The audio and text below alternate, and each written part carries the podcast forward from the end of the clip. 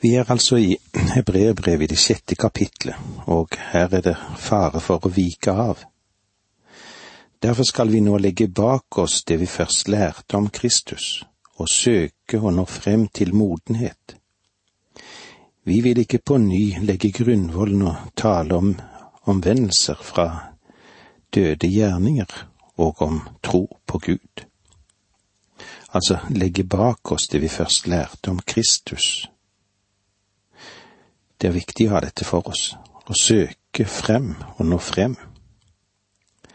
Her er altså noen forskjellige ting som vi skal legge merke til. Det er eh, seks grunnleggende fakta, og det finner vi jo i Det gamle testamentet som en modell for Kristus i ritual, i symbol og seremoni.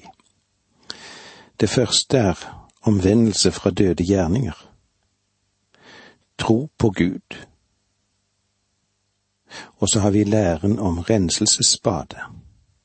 Og så vil vi komme inn på håndspåleggelse, de dødes oppstandelse og den evige dom. Vi ser i vers to i kapittel seks. Eller undervise om renselsesbad og håndspåleggelse, om de dødes oppstandelse og den evige dom. Undervisning om renselsesbad. Det har ingenting å gjøre med dåpen i Det nye testamentet. Nei, det henviser til renselsesbadene knyttet til Det gamle testamentets ritualer. Og det var mange av dem. De troende jøder ønsket å vende tilbake til disse ting som bare var skygger. De var negativer som det åndelige bildet ble fremkalt av.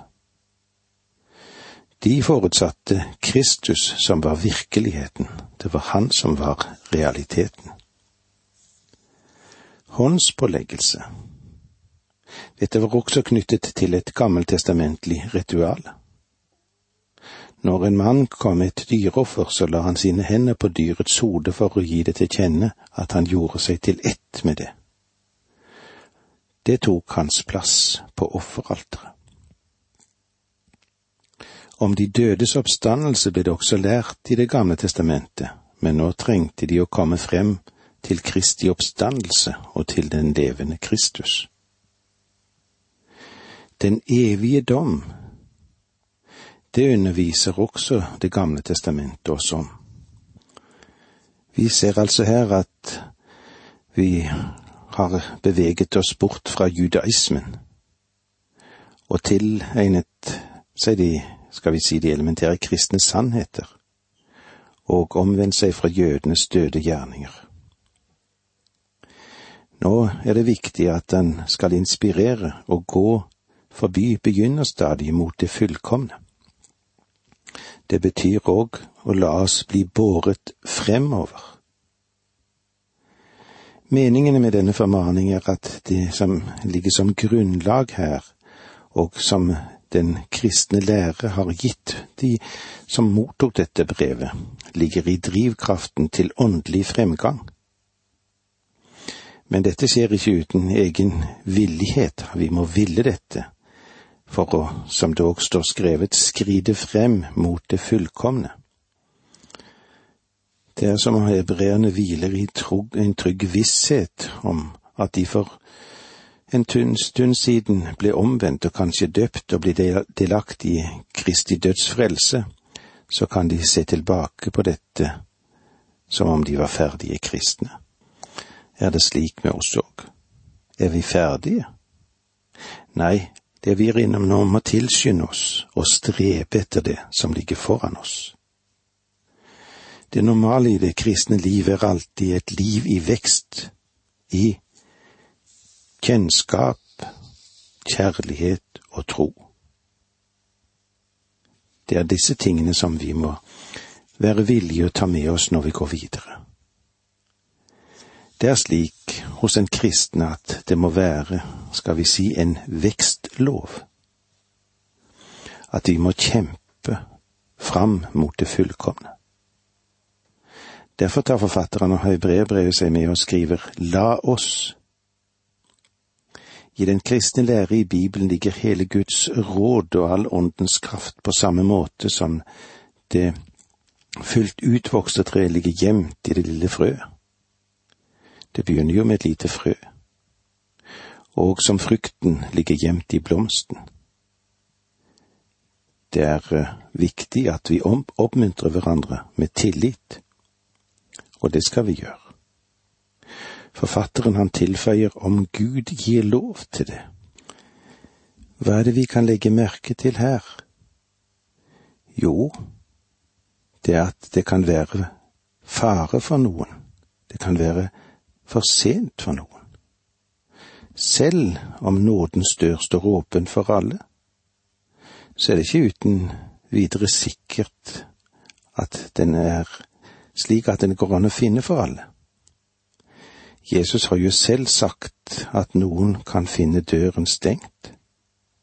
Skal vi lese hva det står i Lukas 13, 24 og 25? Kjemp for å komme inn gjennom den trange dør. For jeg sier dere, mange skal forsøke å komme inn, men ikke klare det. Når husbonden først har reist seg og lukket døren, og dere står utenfor og banker på og sier Herre, lukk opp for oss, da skal han svare, Jeg vet ikke hvor dere er fra. Det er godt å minne hverandre om dette. Kjemp for å komme inn gjennom den trange port, den trange dør. Vi må ikke ta dette som en selvfølge. Vi må kjempe. Vi må kjempe livets kamp. Eller som det står i Matteus 7, 21. Ikke enhver som sier til meg, Herre, Herre, skal komme inn i himmelriket, men den som gjør min himmelske Fars vilje. Mange skal si til meg på den dag, Herre, Herre, har vi ikke profitert ved ditt navn og drevet ut onde ånder ved ditt navn og gjort mange mektige gjerninger ved ditt navn? Men da skal han si dem rett ut, Jeg har aldri kjent dere, bort fra meg dere som gjør urett. Den som hører disse mine ord og gjør etter dem, han blir lik en klok mann som bygde huset sitt på fjell. Vi må kjempe for å nå frem, men hvor godt det er for oss å vite at han, som lederen vår sa det slik, jeg er veien, sannheten og livet. Veien går fremover. Det er som grener på ham som er det sanne vintre i den ubrutte livsforbindelse med Jesus at den kristne vekst forgår. Altså i et totalt avhengighetsforhold til Jesus. Det er disse tingene vi skal ta med oss videre når vi går inn i det neste verset i Hebrebrevet 6.3. Slik vil vi gå fram om Gud så vil. Dette fører oss frem til det avsnittet som har gjort det slik at det har oppstått mange vanskeligheter, mer enn de fleste andre skriftsavsnitt. Noen anser dette avsnittet for å være vanskelig å tolke, og eh, disse versene som vi nå vil gå inn på, de vil vi bruke en del tid på. Men la oss nå lese versene fire til ni. Når noen en gang har fått lyset, har smakt den himmelske gave og har fått del i Den hellige ånd, har smakt Guds gode ord og den kommende verdens krefter, og de så faller fra, da er det umulig å fornye dem så de igjen vender om. De korsfester selv Guds sønn på ny og gjør ham til spott. Den jord som drikker regnet som ofte faller på den og bærer grøde til gagn for dem som dyrker den, får velsignelse fra Gud. Men den jord som bærer torden og tistler, er til ingen nytte. Forbannelsen er ikke langt borte, og det ender med at den blir svidd av. Men når det gjelder dere, kjære venner, er vi overbevist om at det står bedre til og at dere er på frelsens vei, selv om vi taler som vi gjør. Det er disse tingene vi vil komme inn på når vi møtes igjen neste gang. Takk for nå, må Gud være med deg. Dette undervisningsprogrammet består av to deler. Åge Nevland fortsetter nå med andre del av dagens undervisning. Vi er i Hebreerbrevet, vi er i det sjette kapitlet, og vi vil gjenta de versene som vi leste da vi var samlet sist, ifra vers fire til ni, som det står i Hebreerbrevet seks. Når noen en gang har fått lyset, har han smakt den himmelske gave og fått del i Den hellige ånd, har smakt Guds gode ord og den kommende verdens krefter. Og de så faller fra, da er det umulig å fornye dem så de gjenvender om. De korsfester selv Guds sønn på ny og gjør ham til spott. Den jord som drikker regnet som ofte faller på den, og bærer grøde til gagn for dem som dyrker den får velsignelse fra Gud. Men den jord som bærer torden, tårn og tistler, er til ingen nytte. Forbannelsen er ikke langt borte, og det ender med at den blir svidd av. Men når det gjelder dere, kjære venner, er vi overbevist om at det står bedre til, og at dere er på frelsens vei, selv om vi taler som vi gjør. I eh, det niende verset her må vi vel kunne si at dette er nøkkelen til dette avsnittet. Men vi trenger kontesten. Det vil si den sammenhengen som dette står i, for å forstå riktig hva som har blitt sagt her. Det er eh, underlig når vi går inn i dette avsnittet og ser hvordan mange kjente bibeltolkere unngår dette kapitlet. Men går vi til de tolkning som finnes og summerer dem, så kan vi enkelt forstå hvorfor en del har valgt å styre klar av dette forvirrede avsnittet. Fordi han kan få så mange tolkninger ut av dette her. Og derfor, i et ærlig arbeid for å finne en sammenholdende mening i disse versene, så la oss se på noen av de tolkningene. Den minst tilfredsstillende tolkningen for min del er at kristne som ofte nevnes her, er kristne som har mistet sin frelse. Det betyr at de en gang var frelst, men de har mistet sin frelse. Og det er mange som leser dette avsnittet som har den holdningen. For det, det meste av de selv er virkelig gjenfødte kristne. Men denne tolkningen gjør de likevel urolige. Og eh, det kan være jeg av og til kommer ut i dårlig vær under en flyreise, det er så. Jeg vet at jeg er like trygg der som alle andre steder, men jeg klarer ikke å glede meg over det slik at de andre passasjerene kan synes at jeg gleder meg.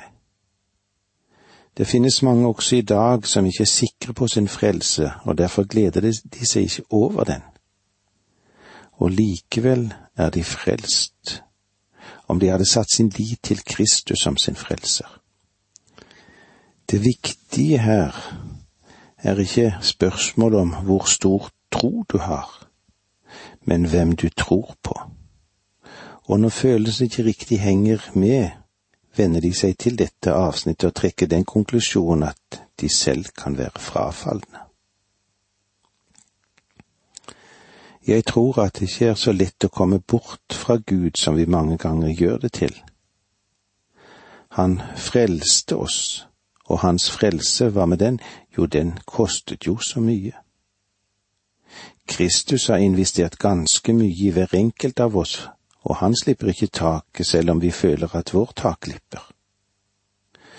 Og vi må lære oss å stole mer på hva vi egentlig betyr for Gud, og hva han egentlig er villig til å investere for å føre oss sikkert fram. Iallfall mer av dette enn å gjøre opp vår status på grunn av våre følelser. Paulus sier jo òg dette nokså klart i Romerbrevet 81. Så er det da ingen fordømmelse for dem som er i Kristus Jesus og han fører denne sannheten til det triumferende klimaks og frimodige utsagn i vers 33, hvor det står Hvem kan anklage den som Gud har utvalgt? Gud er den som frikjenner. Dette står altså i Romerbrevet 8,33. Guds trone står bak det svakeste. Guds trone står bak det minste mennesket som har satt sin lit til Kristus. Og inntil i dag er det ingen skapt intelligens i Guds univers som kan føre noen annen anklage mot en av dem som er rettferdiggjort ved troen på hans blod. Paulus fortsetter videre i Romerbrevet 8, versene 34 til 39. Hvem kan da fordømme?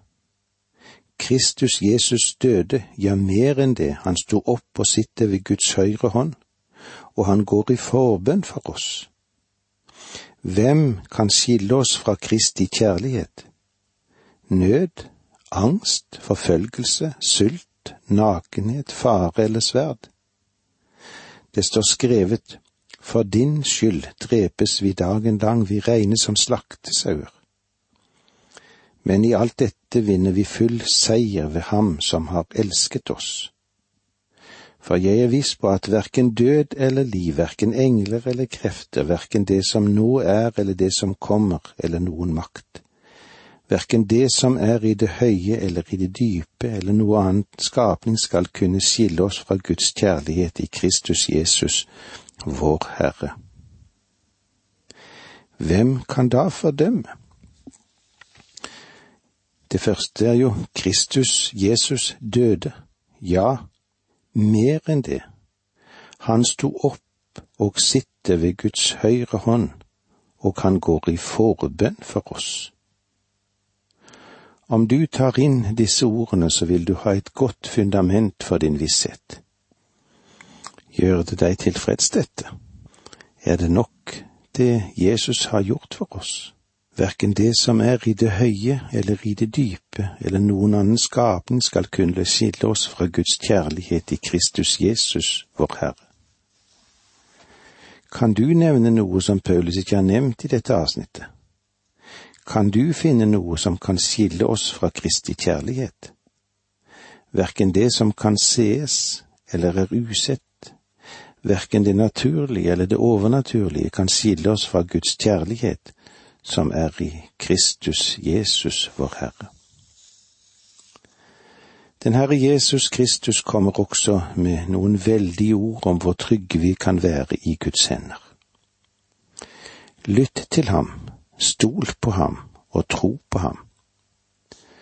Guds ord er levende og kraftig, ja, skarpere enn noe tveegget sverd. Men Jesus sa òg i Johannes 10, mine sauer hører min røst, jeg kjenner dem, og de følger meg. Og jeg gir dem evig liv, de skal aldri i evighet gå tapt, og ingen skal rive dem ut av min hånd. Min far som har gitt meg dem er større enn alle, og ingen kan rive dem ut av min fars hånd, som det står i Johannes 10, 27-29. Her er det ikke spørsmål om din evne til å holde fast i ham. Det det dreier seg om, er hans makt til å holde deg fast. Her sier han med guddommelig visdom og autoritet at han kan holde oss fast, og at de som stoler på ham, aldri skal fortapes.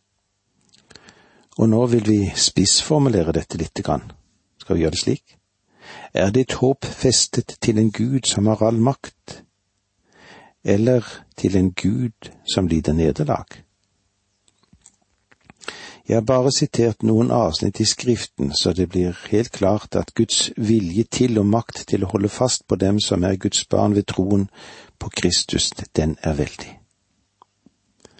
Det er derfor det er så vanskelig å kunne godta den tolkningen at de mennesker det tales om her i brevbrevet seks, fire til ni, en gang blir frelst, men mistet sin frelse. Det er en annen tolkning som det er mye ved, og den som hevder dette er, skal vi si, hypotetisk i sin sak. Hvis de skulle falle fra, det er bare en svak mulighet for at dette kan hende. Forfatteren sier ikke at det hender, bare at det kan være mulig. Og dem som holder fast ved en slik tolkning, sier at dette er det største hvis i Bibelen. Og kanskje vi kan være enig i det. Den tredje tolkningen peker på at Hebreerbrevet 6.6 så er det ikke noe hvis på gresk. Det er en partisipp, og skulle vært oversatt med har falt fra. Og derfor har disse som heller til denne tolkningen den forklaring på avsnittet at her tales det om de som bekjenner med munnen at de ikke er redelig troende. De bare later som om de er kristne. Det er vanskelig å akseptere denne tolkningen at de mennesker det taler her, er liksom bekjennere. Bibelen taler ikke om dem som bare ytre sett bekjenner Kristus. Det finnes frafalne i menighetene. For eksempel så skriver Peter i sitt andre brev om dette. Da er det godt med dem, som det treffende heter i ordtaket, hunden vender tilbake til sitt eget spy, og ikke før grisen er vasket, så velter den seg i sølen. Ja, det var eh, disse tankene vi fikk med oss i dag. Vi fortsetter i dette avsnittet når vi møtes igjen neste gang. Takk for nå, må Gud være med deg.